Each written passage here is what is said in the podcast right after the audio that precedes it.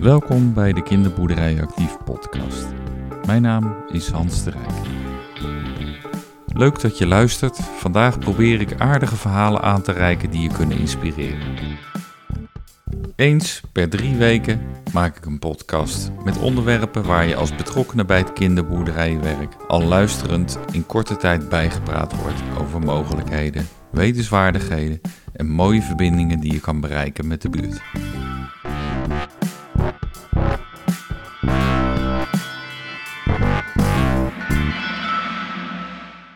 Mensen maken de kinderboerderij. Deze titel heb ik gekozen omdat de inzet van mensen de bepalende factor is wat mij betreft wat je met een kinderboerderij doet of kan doen. Het enthousiasme en de aanpak bepalen de sfeer op een kinderboerderij. Op de ongeveer 400 kinderboerderijen in Nederland is heel veel verschillend geregeld ten aanzien van beheer. Veel werken met betaalde krachten, maar er zijn ook locaties waar alles met vrijwilligers gebeurt. Mijn stelling is dan ook: een kinderboerderij kan niet zonder vrijwilligers. Vrijwilligers zijn actief bij belangrijke of extra werkzaamheden om te doen. Maar de betrokkenheid van de buurt wordt tastbaar doordat je mensen actief bezig ziet voor de buurt en elkaar en natuurlijk ook met en voor de dieren. Nederland verandert, zo ook de vrijwillige inzet. Daar hebben kinderboerderijen mee te maken, vergrijzing of andere tijdsinvulling van jongeren. Het blijft een uitdaging om nieuwe, frisse aanwas van vrijwilligers te houden. In deze aflevering komen een aantal kinderboerderijmensen aan het woord over de werkzaamheden die verricht worden door de vrijwilligers, maar ook de uitdagingen en de vragen die ze hebben. Natuurlijk is de kinderboerderij niet uniek en alleen bezig met dit vraagstuk. Er zijn veel meer mensen die hierover nadenken. Om die reden ben ik te raden gegaan bij de NOV, de Landelijke Vrijwilligerskoepel. Heb ik gezocht naar feiten die het Centraal Bureau voor de Statistiek bijhoudt en ga ik in gesprek met NL Cares, die incidenteel vrijwilligerswerk stimuleert. De vrijwilligersinzet en de vraagstuk op de kinderboerderij is wel te groot voor één aflevering. Daarom zal binnenkort een vervolg op deze aflevering hoorbaar zijn. Er is heel veel kennis en expertise beschikbaar in Nederland over vrijwilligerswerk. NOV is de organisatie waar dit samenkomt. Ik ga in gesprek met directeur Joost van Alkemade. Ik ben uh, te gast uh, in Utrecht bij eh, NOV, bij directeur Joost van Alkemade. En ik denk dat jij jezelf wel even voor gaat stellen, maar ook uitlegt wat de NOV is. Nou, dan ben ik zo eigenwijs om met mezelf dan maar even te beginnen. Ik woon in Amersfoort. Het doen van vrijwilligerswerk in de vrije tijd is bij mij ook altijd een gegeven in mijn leven geweest. Maar ik heb er ook uh, in die zin uh, mijn uh, beroep al heel lang van kunnen maken om het vrijwilligerswerk te versterken. Bij verschillende organisaties, jeugdverenigingen um, en ook in het advieswerk naar gemeente en overheid toe. En ik ben nu 6,5 jaar directeur van NOV. En NOV staat voor? Ja, NOV, dat is een, een heerlijke afkorting. Nederlandse Organisaties Vrijwilligerswerk. En in die naam zit eigenlijk al, die staat voor dat wij de organisaties in Nederland ondersteunen in hoe je slim, goed, bij de tijd en actueel vrijwilligers ondersteunt. En zijn dat dan individuele organisaties of misschien wel meer koepelorganisaties? Uh, ja, omdat we een landelijke, een landelijke eigenlijk uh, branchevereniging zijn, een belangenorganisatie, uh, zijn het vooral ook grote landelijke koepels die bij NOV lid zijn. En dat is heel breed in de samenleving. Dus zorg, natuur, welzijn, reddingswezen, politieke partijen, vakbonden. Nou, we hebben in Nederland geen vrijwilligers die daarin actief zijn. En ik zeg altijd, we hebben als NOV geen verstand van zorg of van natuuronderhoud of van het... het kinderboerderij. ja, kinderboerderij of dierenwelzijn. Mm um, maar wel over, ja, wat, wat kan je nou wel of niet doen in het uh, aantrekkelijk en actueel organiseren van vrijwilligers. En wij zijn bij de overheid natuurlijk heel erg bezig om, um, in de laatste tijd zeker, om, om te voorkomen uh, dat er wetgeving op wetgeving op wetgeving komt. Die je als bestuur eigenlijk uh, alleen maar um, ja, maakt dat je met dat soort dingen bezig moet zijn. En niet waar je eigenlijk natuurlijk je aandacht en je tijd en je energie in wil stoppen.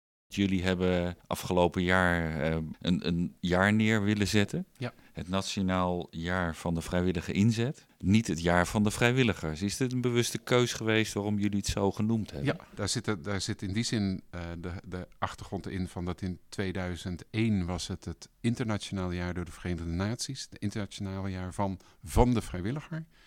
In 2011 was het uh, het Europese jaar. Dus wij hebben zelf drie jaar geleden gezegd van... nou, laten we die cyclus van tien dan maar voortzetten. Um, wie roept er eigenlijk in Nederland een nationaal jaar uit? En we zijn erachter gekomen, als je dat zelf doet... dan is het het nationaal jaar van de vrijwillige inzet. Waarderen en belonen van vrijwilligers is ongelooflijk belangrijk. Um, omdat er in het vrijwilligerswerk staat er niet een salariscomponent tegenover, maar staat er een waarderingscomponent. Gezien worden, aandacht en tijd wordt besteed om te waarderen wat mensen daarin doen. Mm -hmm. Maar dat gebeurt eigenlijk ook al redelijk veel en op goede schaal, al kan dat altijd nog meer. Mm -hmm. Maar wij zagen ook van dat juist nu en in toenemende mate het een vraagstuk is van hoe krijgen we voldoende vrijwilligers. Dus we hebben dit jaar eigenlijk veel sterker gericht op het thema in hoe je eigenlijk nieuwe gezichten, nieuwe mensen aan je organisatie kan koppelen en verbinden. Ja, want, want jullie hebben uh, Mensen Maken Nederland ja. uh, geïntroduceerd. Ik ja. vond het een hele mooie uh, vorm en misschien ook wel letterlijk vorm, omdat er hoofden misschien niet gezichten, maar er konden eigen gezichten ingeplakt worden, silhouetten, Klopt. gebruikt konden worden om het zichtbaar te ja, maken. Ja, en, en nou, daar zit precies eigenlijk het, de kant in van, er zit dus heel veel communicatieacties uh, en, en de week van het vragen en, en actieweken om als organisatie dus slimmer, beter en anders uh, jezelf uh, op het podium te zetten. Lukt het je om een toenemende mate eigenlijk een diverse groep van vrijwilligers aan je te binden. En dat betekent letterlijk dat er een diversiteit aan silhouetten en mensen en gezichten in jouw organisatie welkom zouden moeten zijn. Divers zit in, in gezichten, maar misschien ook in, in tijdsbesteding? In, of, in, uh, eigenlijk in alles. alles. Jong, oud, in, in achtergrond. Um, ik denk ook in, in soms etnische achtergrond, uh, in interesse, maar ook precies wat je zegt in uh, hoeveel tijd iemand ter beschikking heeft uh, om aan jou te geven. Ja, want, want ik, ik vond bij de voorbereiding van dit gesprek een boekje uit uh, 2019, Werkplaats uh, 27 van KNHM, gecombineerd met NOV. En daar stond op de vrijwilliger 2.0. Ja, Kees, dat is dan zo'n woord. O ooit heb ik wel eens een, een, hadden we een hele tournee door Nederland met de nieuwe vrijwilliger. Mm -hmm. Nou, als ik dan ergens lokaal in een zaaltje kwam met die titel, dan, dan brak eerst ongeveer de opstand uit. Want dan zei men, hoezo nieuwe vrijwilliger? Zijn wij dan als huidige vrijwilliger niet goed meer? Alsof je een soort wasmiddel vernieuwt en dan, uh, daar gaat het niet om. En, en ook niet een, een vrijwilliger 1.0 of vrijwilliger 2.0. Het zijn titels waarvan ik denk, dan doe je tekort aan enerzijds de groep mensen die al heel lang en heel duurzaam uh, vrijwillig actief zijn. Die zijn hartstikke waardevol. En wat ik zie is dat er nog steeds mensen zijn die zich langdurig uh, willen inzetten, zich verbonden hebben aan een vereniging. Maar de werkelijkheid is ook dat er een andere groep is die dat op een andere manier willen doen. Ja, want het, het, was meer dan alleen die titel voorop. Ik heb het boekje ook uh, ja. gelezen en ja, dan komt de diversiteit aan mogelijkheden ja. uh, ook ja. naar voren. Ja. zeg maar de, de langdurige maar ook een stukje corporate uh, vrijwilliger. Bedrijven die zich op een of andere ja, manier ja, ja, aan organisaties. Uh, Werknemers, vrijwilligerswerk noemen we dat wel. Dus hoe mensen. Kijk, eigenlijk zou je kunnen zeggen, en dat geldt nog steeds wel een beetje voor Nederland. Wat is nou de wervingsplaats voor de vrijwilligers? Mm -hmm. Een hele lange tijd zijn dat bijvoorbeeld de kerken geweest. Waar een hele diversiteit van mensen in die kerk bij elkaar kwamen. En men elkaar daar aansprak ook van. Niet dat we alleen op zondag hier zitten te zingen en te bidden. Maar wil je bij mij ook actief worden als vrijwilliger? Dus je hebt dat soort netwerken eigenlijk nodig. Dat is, bij de school is dat eigenlijk het hek om de school. Waar mensen elkaar spreken en waar je elkaar kan vragen.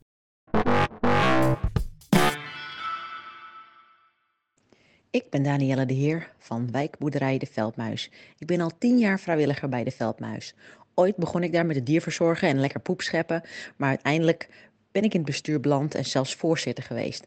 Op dit moment hou ik mij bezig met het werven van personeel, het lullen voor spullen, zorgen voor gratis spullen en het zoeken van sponsoren voor goederen. Daarnaast hou ik de Facebook en Instagram bij. Bij wijkboerderij De Veldmuis in Zaandam zijn zo'n 100 vrijwilligers actief. En dat doen zij op verschillende gebieden. Denk aan dierverzorging, theehuismedewerkers, klussen, groenvoorziening, evenementen, collectes, postbezorgen en nog veel meer. Wijkboerderij De Veldmuis zou niet bestaan zonder vrijwilligers. We draaien namelijk compleet op vrijwilligers. Wij zijn zeer actief in het zoeken naar nieuwe vrijwilligers via social media en zaankanters voor elkaar.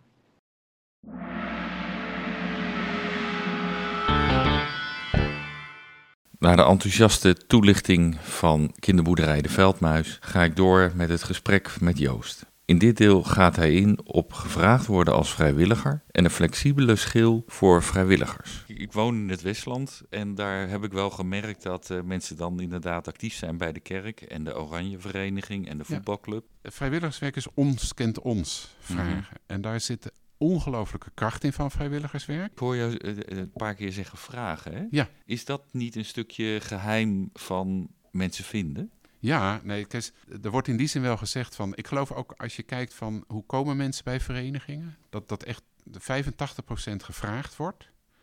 Um, en dan gevraagd wordt door iemand die ze kennen en leuk vinden. En iemand waarmee ze eigenlijk niet makkelijk nee kunnen zeggen. En dan worden ze gevraagd van, in, nou, bijvoorbeeld Joost, van uh, zou je een keer mee willen kijken met onze begroting? Want daar heb je verstand van, want je, je, je, bent administrateur of je bent dit. En we hebben echt iemand nodig die even bij ons meekijkt. En dan zou, zou je dat een paar keer willen doen. En dan doe je dat een paar keer. Mm -hmm. En dan, ah, dan is het eigenlijk wel leuk. En de groep mensen is het wel leuk. En, en de taak is te overzien. En dan, ah, dan blijft het niet bij drie keer, maar dan wordt het uh, twintig keer dat jaar. je krijgt een gevoel bij de organisatie. En uh, ja. dat is net wat anders dan dat de eerste vraag is: oh, wie wil je tekenen voor en, vijf en, jaar penningmeesterschap? En als je niet uitkijkt, ben je dan drie of vier jaar zit je in het bestuur die werkzaamheden te doen. En dan is het soms ook goed dat je na drie jaar weer afscheid kan nemen van dat bestuur. En daar zit soms ook, ook een andere kant in het vrijwilligerswerk, dat bepaalde mensen bijna te lang op bepaalde plekken zitten, mm-hmm. waardoor een eigen energie soms um, afloopt. Andere mensen eigenlijk alleen maar het beeld hebben van ja, maar die, die, die bestuurder die daar uh, eh, 26 jaar bestuurder was, wat, wat op zich in zichzelf een hele prestatie is. En als ze dat van mij gaan vragen, dat kan ik niet bieden. Nee. En dan gaan mensen niet in het bestuur zitten. Wat, wat wij wel aangeven en ook wel zien, is dat, kijk, die standaard vrijwilliger, uh, waar je um, eigenlijk in een organisatie meer van dezelfde mensen aan jou hebt weten te binden. Dat werkt eigenlijk heel makkelijk, want die mensen die zitten in dezelfde netwerk, die, die hebben dezelfde tijd ter beschikking, uh, ze zitten in dezelfde leeftijdsgroep. Um, dat werkt goed. Mm-hmm. Alleen de keerzijde daarvan is dat het, dat het eigenlijk een, uh, vaak toch heel veel mensen die anders zijn dan die groep, dat die daar geen vrijwilliger zijn. Of dat nou in, in achtergrond is van Nederlander of allochtoon, of dat dat is met jong-oud. Dus dan zie je dat, dat het een, een, in die zin een wat eenzijdige groep is die daar heel lang actief is geweest. En hoe doorbreek je dat? Een rolmodel? Ja. Um, Bewust eens kijken van naar buiten de, de groep die je kent. Wie zou kunnen interesseren? Vrijwilligerswerk is geen betaald werk, maar het heeft wel, als je het gaat, hoe je het organiseert, heeft het daar wel elementen van. Um, je ziet natuurlijk gewoon in de, in, in de uh, betaalde organisaties zijn ze bijvoorbeeld gekomen dat ze niet alleen vast personeel hebben die, die 15 of 20 jaar bij de organisatie werken, maar hebben ze ook een aantal ZZP'ers die dus mm-hmm. tijdelijk gevraagd worden op die dingen wat in een periode nodig is om ze daarvoor in te zetten. Een soort flexi flexibele schil. Precies. Uh, je, hebt een, je hebt een ICT'er die je misschien niet uh, in je bestuur wil hebben, maar die je wel um, drie keer per jaar kan vragen om naar jouw systemen te kijken. Dus de, dus de vertaling zit eigenlijk in hoe kunnen dingen die ook moeten of kunnen ja. gebeuren, hoe kan je die in stukjes knippen ja. dat het aantrekkelijk wordt voor Klopt. mensen die zeggen ik vind het wel leuk om een paar uur aan te besteden. Ja. Dus als de penningmeestertaak toch een behoorlijke tijdbelastende taak is, waarom maak je niet twee penningmeesters waarin de ene voor de jaarrekening en, en de accountantscontrole of dat soort dingen zorgt. En de ander wat meer voor de dagelijkse kasboek en, en, en de, nou, de kantineuitgaven en dat soort dingen. Uh, en die met z'n tweeën die zijn ook nog uh, vervangbaar uh, als de ene een lange periode met zijn caravannetje door Nederland rijdt. Dus dan wordt het makkelijker om in te stappen. Dus ja, knipfuncties, zeker bij een bestuur. Mm -hmm. is die vaste kern van vrijwilligers, die heeft vaak de neiging van... Ja, maar als je bij ons vrijwilliger wordt, dan moet je wel één keer per week er een dagdeel zijn. En eerst of twee nog een proefperiode, of je het wel een kan. Een proefperiode, je moet nog dit, je moet nog dat, je moet nog zus. En als je die eisen blijft stellen, ja, dan haal je dezelfde iemand binnen in wat jij zelf ook doet. Mm -hmm. um, Zo'n zo mooi voorbeeld vind ik dat van... Je hebt, je hebt, vrijwilligers die in een vervoersactiviteit zitten... in een dorp of een buurt... en, en mensen die bijvoorbeeld naar het ziekenhuis moeten of naar de winkel... dat zie je als vrijwilliger vervoeren. Heel veel van dat soort organisaties hadden de norm van... jij moet gewoon een dagdeel in de week en dezelfde dagdeel beschikbaar zijn... want dan kan je makkelijk die mensen indelen. Um, op het moment dat bijvoorbeeld de organisatie Automaatje van de ANWB en van welzijnsorganisaties digitaal zijn gaan roosteren, dus dat je zelf als vrijwilliger je in kan roosteren op het tijdstip dat je kan, mm -hmm. dan kan je de ene dag keer op woensdag, de andere keer op zaterdag, dan kan je twee weken niet, maar de derde week weer wel. En dan zie je dat een, dan denk je, ja, maar krijg je dan de roosters wel rond? Ja, want er zijn opeens een hele andere groep die, die, die nu wel, dus ze zagen de leeftijd dalen. Mm -hmm. Want eerder waren het vooral gepensioneerden die dat gewoon overdag in een vast dagdeel, die dat konden doen. Nu zie je opeens andere groep en leeftijdsgroepen instappen. Meten is weten. Vandaar dat ik in gesprek ben gegaan met Dick de Stegen van het Centraal Bureau voor de Statistiek om meer te weten te komen over de vrijwilligersonderzoeken die zij doen. Jullie horen wellicht regelmatig volgens het CBS. Nu krijgen we wat meer toelichting van iemand van het CBS. En dat staat voor Centraal Bureau voor de Statistiek. En wij zitten in de speciale studio van het CBS. En ik heb aan de microfoon Dick Terstegen. Jij kan vast meer aangeven wat betekent volgens het CBS. Waarom staat dat onder sommige berichten? Volgens het CBS, ja, dat is een term waar wij heel erg trots op zijn. Het geeft inmiddels aan dat als het CBS het zegt, dan is het waar. Dat klinkt een beetje, hoe moet ik dat zeggen? Hautain dat ik dat zeg. Maar dat is wel zoals uh, mensen het ervaren. En daar werken we overigens ook heel hard voor om dat zo voor elkaar te krijgen. Wij doen ontzettend veel onderzoeken. Heel veel onderzoeken zijn ook verplicht. Ongeveer 80% van alle onderzoeken die wij doen, die zijn door de Europese Unie uh, verordoneerd. En alle landen in de Europese Unie doen dat op dezelfde manier. Dat doen we ook niet voor niks. Hè. Dat doen we op een manier zodat, zodat we landen onderling goed kunnen vergelijken. Mm-hmm. Ja, ik zeg zelf altijd, betrouwbaarheid is ons hoogste goed. En uh, dat willen we zo goed mogelijk uh, bewaken. Anderen zien dat ook. En daarom uh, lees je in de kranten of hoor je op de radio of zie je op tv vaak terug de term volgens het CBS. En jullie onderzoeken regelmatig onderwerpen? Nou ja, hoe vandaag, de, hoe de nog, trends daarin zijn? Van, vandaag nog over inflatie. Dat is iets wat we elke maand doen. Dat is natuurlijk nu een heel belangrijk onderwerp. Hè, want we merken allemaal dat het leven duurder wordt. De gasrekening, maar ook de boodschappen, de benzine. Nou ja, met dat soort dingen. Uh, ja, zitten wij eigenlijk midden in het maatschappelijke debat. Want daar wordt dan ook daarna gewoon over gepraat. Ik ben hier uh, vanwege het vrijwilligersonderzoek, wat jullie uh, eens in de zoveel jaar doen. Maar uh, eind november 2021 was er een soort van update. Ja.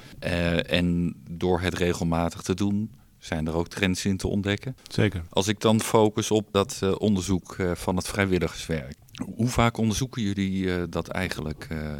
Uh, nou, we hebben een onderzoek lopen, dat, dat komt elk jaar. komt elk jaar wel iets van uit. Uh, welzijn in Nederland, sociale samenhang. En uh, daar doen we elk jaar wel een onderzoek naar vrijwilligerswerk. Dit onderzoek waar we het nu over hebben, dat was wat uitgebreider, omdat er ook meer dingen werden gevraagd. Ja, want het, het ging een beetje ook in op, op hoe vaak de tevredenheid eromheen. Ja. Nou ja, wat hier wel mooi was, daar komen we straks misschien nog wel over te spreken. Maar wat hier mooi was, dat er ook gevraagd werd van waarom stop je ermee? Of hoe lang doe je het al en hoe vaak doe je het? Maar het vrijwilligerswerk aan zich, dat loopt al, dat loopt al een tijdje. En dat schommelt. En het vrijwilligerscijfer, en hoeveel mensen doen vrijwilligerswerk, dat schommelt al een tijdje rond de 50 procent. Dus dat er altijd net iets boven. En dat is er vorig jaar ondergezakt. Hmm. En ik moet zeggen, het vind, ik vind ook dat het er wel flink ondergezakt is. Want ik dacht dat het nu rond de 43 procent zat. Ja, dat is toch behoorlijk wat. Ja. Ja, ja. Is de trend dan naar beneden? De trend is naar beneden, ja. Dat, ja. Waren, dat was altijd boven de 50 procent. Ja, ik, ik, zag in het onderzoek ook verschillende categorieën in leeftijden. Heeft dat daar iets mee te maken? De veranderende maatschappij, leeftijden, andere behoeftes, andere mogelijkheden? Ja, ik moet wel één kanttekening maken bij vrijwilligerswerk aan zich. Ehm, daar wordt altijd over gedaan dat, het, uh, dat we daar heel goed in zijn, dat we dat heel veel doen. Dat is ook wel zo. Maar heel veel vrijwilligerswerk is ook, ja, ik noem dat altijd corvée. Uh, Met name als je, en dat zie je, dat zie je in die leeftijdsafbakeningen heel goed terug. Ouders met jonge kinderen, die doen vrijwilligerswerk op school. Omdat je, het is, het is niet anders, je ontkomt er bijna niet aan. Je wordt altijd wel gevraagd, kan je even mee op een schoolreisje? Wil je klassenmoeder worden? Wil je de, luizen, hè, wil je de luizenmoeder worden? Dat zijn allemaal vrijwilligerswerk. Uh, ja, zonder dat vrijwilligerswerk kan zo'n school bijna niet draaien. Dus je hebt het eigenlijk ook wel nodig. En ik merk het ook wel eens bij een, voetbalclub of zo, van als je kind daar uh, speelt, moet je ook af en toe in de kantine staan. Ja, bij sportwedstrijden, bij, bij, bij sportende kinderen zie je het ook. Uh, word je geacht om mee te doen. Dat is natuurlijk ook om ervoor te zorgen dat die contributie niet te hoog wordt. Want ja, mhm. ergens is het een beetje een uh, afrekening van of je gaat vrijwilligerswerk doen of je moet meer betalen.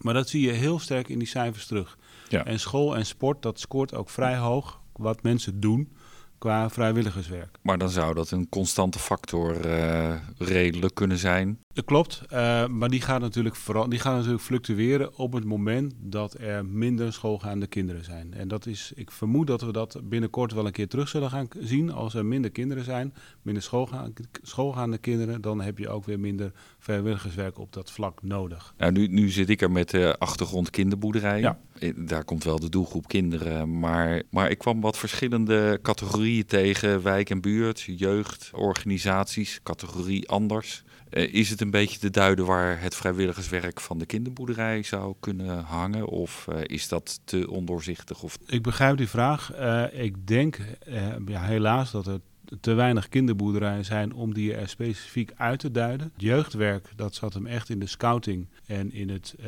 buurthuisachtige gebeuren. En ik vermoed dat daar ook die kinderboerderijen in zitten. En wat die kinderboerderijen natuurlijk hebben vergeleken met kinderboerderijen, daar komen kinderen. Dat, is, uh, dat zijn allemaal incident, dat zijn veel incidentele bezoeken. Sommige mm-hmm. kinderen die komen er misschien elke week. En er zijn, en er zijn kinderen die er misschien één keer per jaar komen.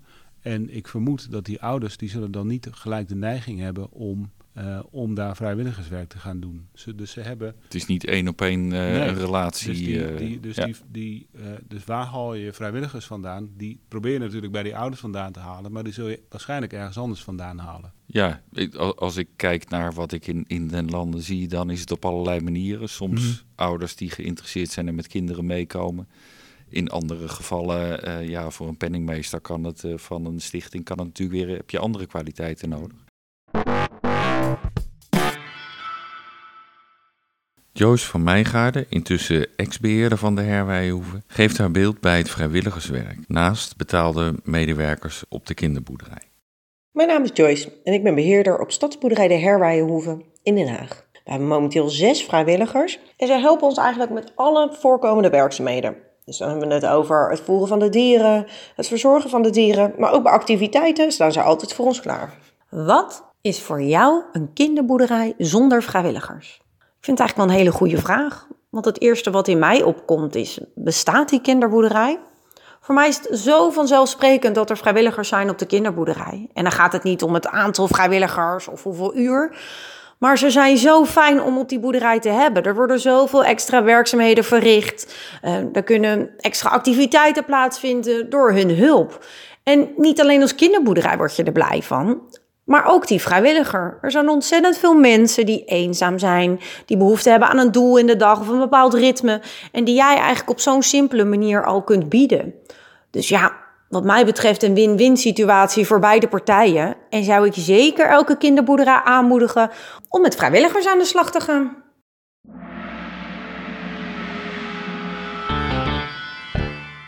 Je hoort nu de rest van het gesprek met Dick Terstegen van het Centraal Bureau voor de Statistiek. Als kinderboerderijmensen zeggen van nou ik ben wel geïnteresseerd dat ze een beetje in jullie onderzoek kunnen kijken van nou welke categorieën zou ik het meest bij passen.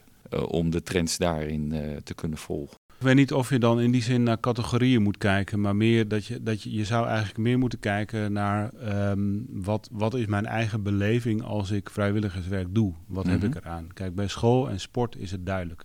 Eh, want dat doe je het eh, omdat anders je kinderen ehm, niet kunnen voetballen of niet kunnen tennissen. Dus je moet wel. En eh, bij de school is het ja, ik, ik, min of meer verplicht. Maar bij andere organisaties, zoals bij de religieuze organisaties, eh dat doe je het omdat je daar zelf een zingeving in vindt. Die drang of die, eh, die, die verbinding, die wordt anders als je het eigenlijk voor andere kinderen doet. Dus je, Mhm. je doet het niet voor jezelf, je doet het niet voor je eigen kinderen, maar je doet het voor andere kinderen in de buurt. Dus je moet ergens het gevoel hebben van ik wil iets doen voor mijn buurt, ik wil iets doen voor die kinderen. eh, en daar wil ik mij voor inzetten. Ik vind het ook leuk om kinderboerderijen, ik vind het niet zo leuk om met kinderen te doen. Ik vind het ook leuk om met dieren om te gaan, Ja. neem ik aan. Of iets te organiseren. Als je eh, naar de, de, de motivatie kijkt, is daar nog verschil in, in leeftijden te ontdekken tussen jongeren en bij wijze van spreken mensen rond eh, de 50? Ja, dat, eh, kijk, ook hier speelt de, de gezinssituatie, dat is de, de, de belangrijkste drijfveren om iets te gaan doen of om iets niet te gaan doen.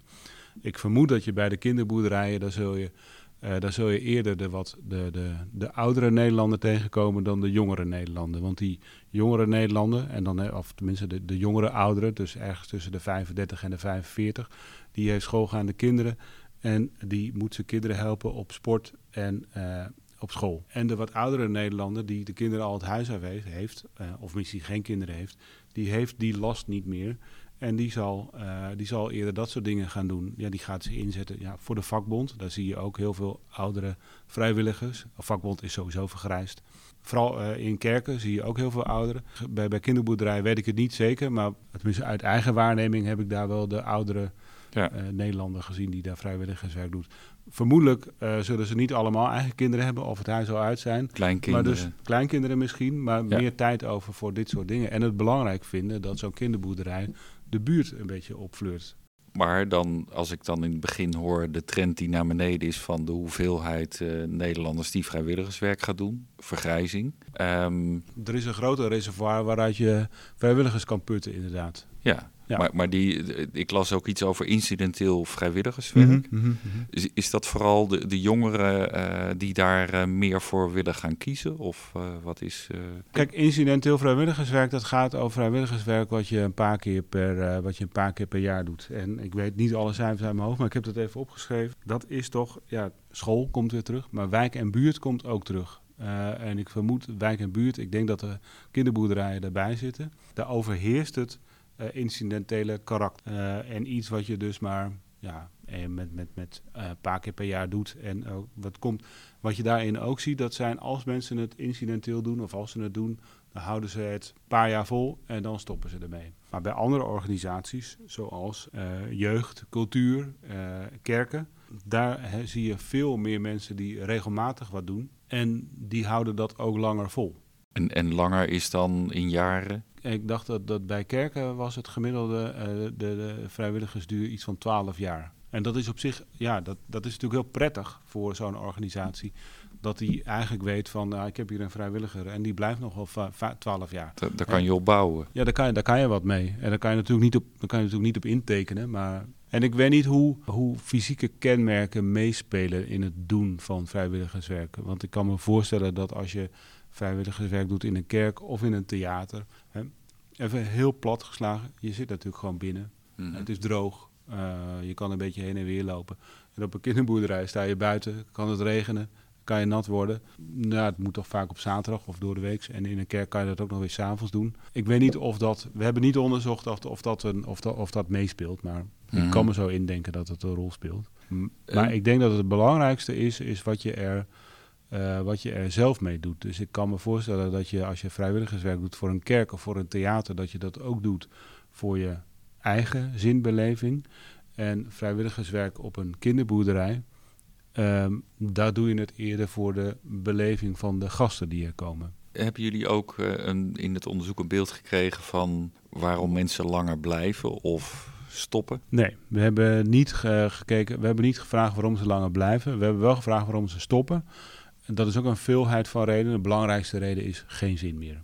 hoe het ook... eh, hoe, en dat, dat, daar kan natuurlijk van alles aan vooraf zijn gegaan. Mhm.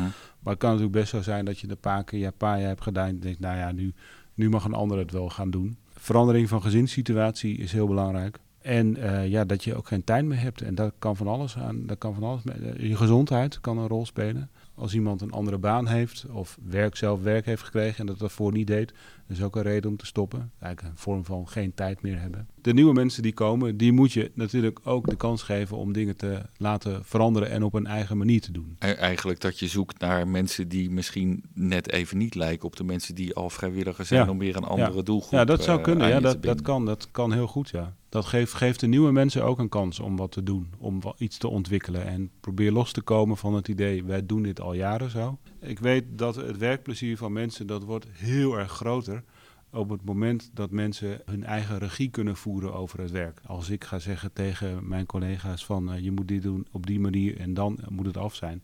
Ja, dat doe, doe je drie keer en dan is, of mijn baas het zegt, dan is de lol eraf. Maar als je het allemaal zelf kan ontdekken, ja, dat maakt Ja. het wel weer veel leuker. Een beetje creativiteit, een beetje eigen mogelijkheden, onderzoekend bezig zijn. Ja. Nou, dankjewel voor eh, de inkijk in eh, eh, de cijfers van het CBS voor de kinderboerderijen. En eh, ja, ik hoop dat kinderboerderijmensen met andere ogen naar de cijfers van het CBS gaan kijken. Wat past bij mij, wat kan ik daarmee? Dankjewel. Nou, graag gedaan. Weet jij waarom vrijwilligerswerk belangrijk is voor de vrijwilligers en de kinderboerderij? De vrijwilligers van kinderboerderij De Goudse Hofstede maken dat heel mooi duidelijk in dit fragment. Wij zijn Yvonne en Suzanne en bij onze kinderboerderij de Goudse Hofstede in Gouda zijn ongeveer 80 vrijwilligers actief. Zij helpen bij de dierverzorging, het klussen, in de horeca, in de moestuin, bij de administratie en bij allerlei activiteiten. Wat is een kinderboerderij zonder vrijwilligers? Een kinderboerderij zonder vrijwilligers wordt gewoon een zootje. Eh, met alleen maar de medewerkers ligt de moestuin zomaar braak bijvoorbeeld. Eh, komt het potstal van de geiten tot aan het plafond En moeten mensen misschien wel een half uur wachten op een kopje koffie. en er is al helemaal geen tijd meer om met de kinderen konijntjes te aaien.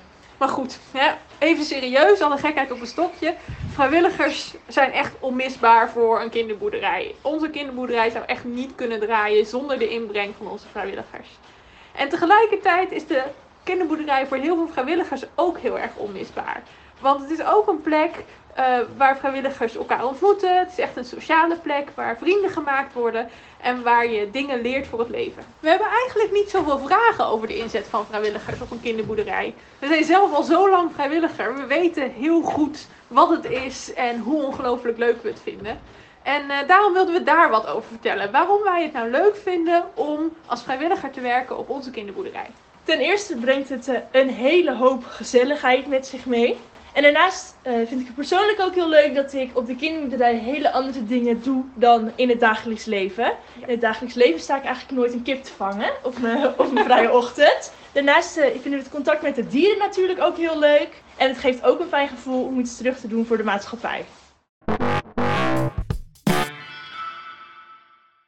Ik zei het in het begin al, er is heel veel informatie over vrijwilligers. Te veel voor één podcastaflevering. Vandaar dat er binnenkort een nieuwe aflevering eh, verschijnt met daarin een gesprek met Lisanne.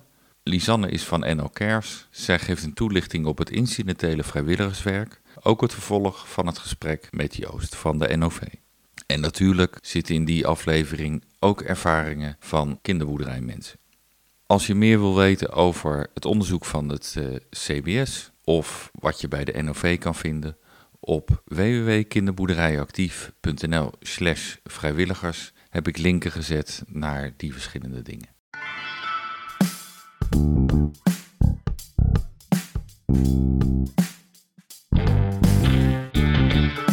Dank voor het luisteren. Als je vaker de Kinderboerderij Actief podcast wil horen, abonneer dan via de website Spotify. En heb je naar aanleiding van deze podcast een vraag aan mij of een suggestie? Laat het dan weten. Of laat een bericht achter via mijn Instagram account Kinderboerderij Actief.